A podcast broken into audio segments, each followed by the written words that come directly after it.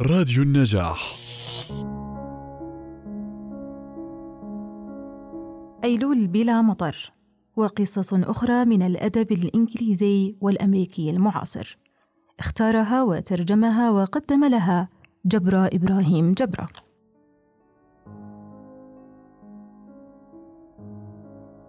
إيضاح بين القصص الاثنتي عشرة في هذه المجموعة ثمة ستة قصص كانت تؤلف أول كتاب صدر لي ببغداد بعنوان قصص من الأدب الإنجليزي المعاصر.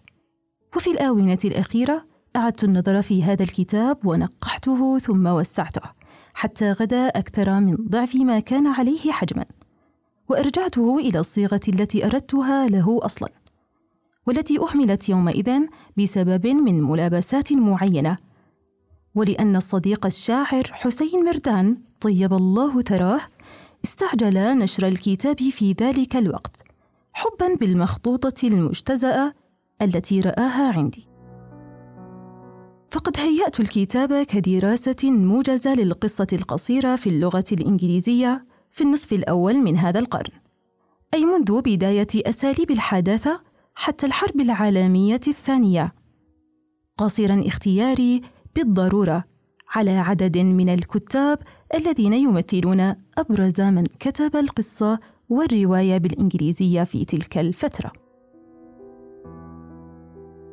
مقدمة. إذا تأملنا تاريخ القصة القصيرة التي نعرفها اليوم نجد أنها قد لا تعود في بداياتها إلى أكثر من 150 سنة مضت ولعل إدغار آلين بوهو الأب الشرعي لهذا الشكل الفني لأنه ترك فيه أثرا حاسما.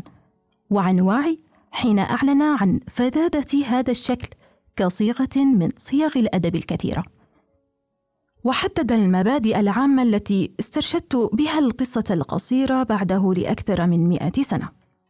وجاءت آراؤه نتيجة لكتابته عددا كبيرا من القصص التي ما زالت تهزنا بغرابتها ونفاذها وبراعة تركيبها. إضافة إلى تأمله النقدي في روايات وقصص معاصره. فقد قال في مقال عن كتاب هوثورن حكايات سردت مرتين عام 1842 إن القصة المألوفة نعترض عليها بسبب من طولها فيما أنه لا يمكن قراءتها في جلسة واحدة فإنها تحرم نفسها من القوة الهائلة التي تنجم عن كليتها. ثم قال إن على كاتب القصة القصيرة أن يرتب أحداثه بحيث يحقق بها اثارا مطلوبا ومعينا مسبقا. وإن كل ما في القصة يجب أن يسهم في تعزيز هذا الأثر. في القصة جميعها يجب ألا تكتب كلمة واحدة لا تنزع بصورة مباشرة أو غير مباشرة إلى الخطة الواحدة المرسومة مسبقا.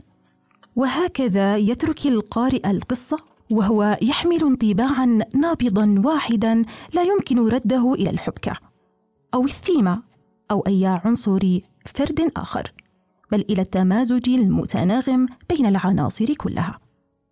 ويؤكد بو أن أي شيء يشوب هذه الوحدة أو ينال منها يجب حذفه من العمل دون هوادة. وهكذا كان على الكاتب أن يتخلى عن الاستطراد المتواتر والإطناب اللفظي اللذين عرفت بهما القصص التقليدية القديمة.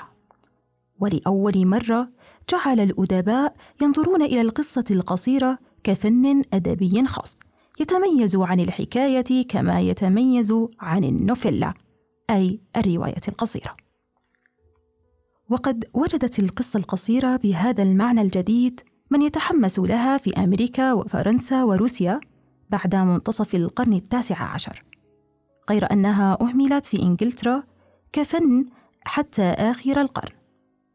فالنصف الثاني من القرن الماضي كان لدى الإنجليز عصر الرواية الطويلة المسترسلة التركيب والمضامين والمعروفة بالرواية الفيكتورية. ولم يجد الكتاب الانجليز الكبار ما يجذبهم كثيرا إلى القصة القصيرة. لأنها لا تتحمل عبء الكلمات الدافقة والخيالات البعيدة واللغة المضخمة التي تسند الوعظ الأخلاقي مما كان يملأ الرواية الإنجليزية يومئذ.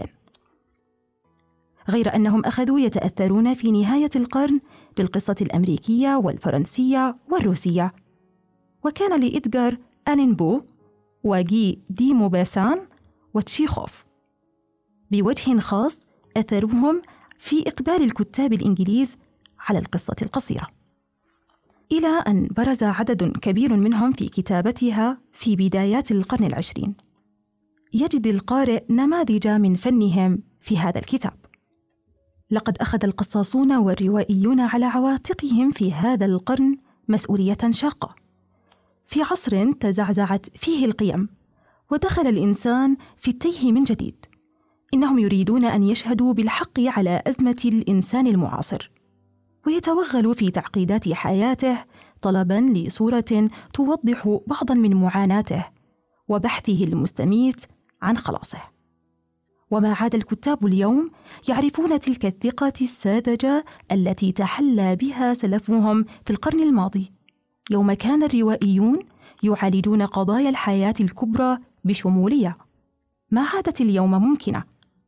ولذا ركزوا على نواح محددة من التجربة الإنسانية أرادوا النفاذ فيها واستخراج زخمها الدرامي ضمن نطاقاتها الضيقة. وكانت القصة القصيرة وسيلة ناجعة لمثل هذه المحاولة بحيث نجد أن كل الذين يمثلهم كتابنا هذا اللهم باستثناء كاثرين مانسفيلد هم روائيون كتبوا أيضا القصة القصيرة. وبرعوا فيها بل كانوا أعظم من كتبها باللغة الإنجليزية. والعديد منهم أمثال جيمس جويس ومانسفيلد وهمينغواي ولورنس. تعاملوا مع القصة أسلوبيا تعامل الشاعر مع القصيدة حيث لكل كلمة وكل عبارة وكل صورة مجازية دورها في خلق التأثير الكلي. لقد قللوا من شأن الحبكة. وقللوا من حجم الفعل وأكثروا من الرمز والإيحاء والحوار الشديد الدلالة بلوغا إلى دواخل التجربة ودواخل النفس. إنهم لا يخبروننا عن هذه الدواخل بقدر ما يضعوننا في صميمها. وكان اختياري لكل من قصص هذه المجموعة يقرره إضافة إلى إعجابي بها فكرة واسلوبا واهتمامي بأعمال كاتبها ككل مدى ما تمثل القصة الواحدة فن صاحبها. لكل قصة هنا مقترب مغاير دلالة على غزارة التنويع الممكنة في التخيل والأداء. ولكنها تتكامل جميعا في التعبير عن تيار أسلوبي تميز به النصف الأول من هذا القرن، ممهدا الطريق لأساليب تفرعت عنه في الفترة اللاحقة. وكانت ترجمتي لها بمتابعة هؤلاء الكتاب منذ حداثتي مزيجا من الحب والمتعة. ولاقل أيضا إنها علمتني الكثير عن القصة لغة وتركيبا. ولست أشك في أن القارئ سيجد فيها جميعا على قصرها وتركيزها ما يتصف به كل كاتب من أسلوب من ناحية ومن موقف إنساني من ناحية أخرى. ويتمتع بما في كل قصة من مهارة الصنعة التي يجعلها صاحبها في خدمة الكشف عن طوايا النفس والتجربة، مما يؤكد على أهمية القصة القصيرة كوسيلة من وسائل استقصاء حالة الإنسان والقلق على مصيره.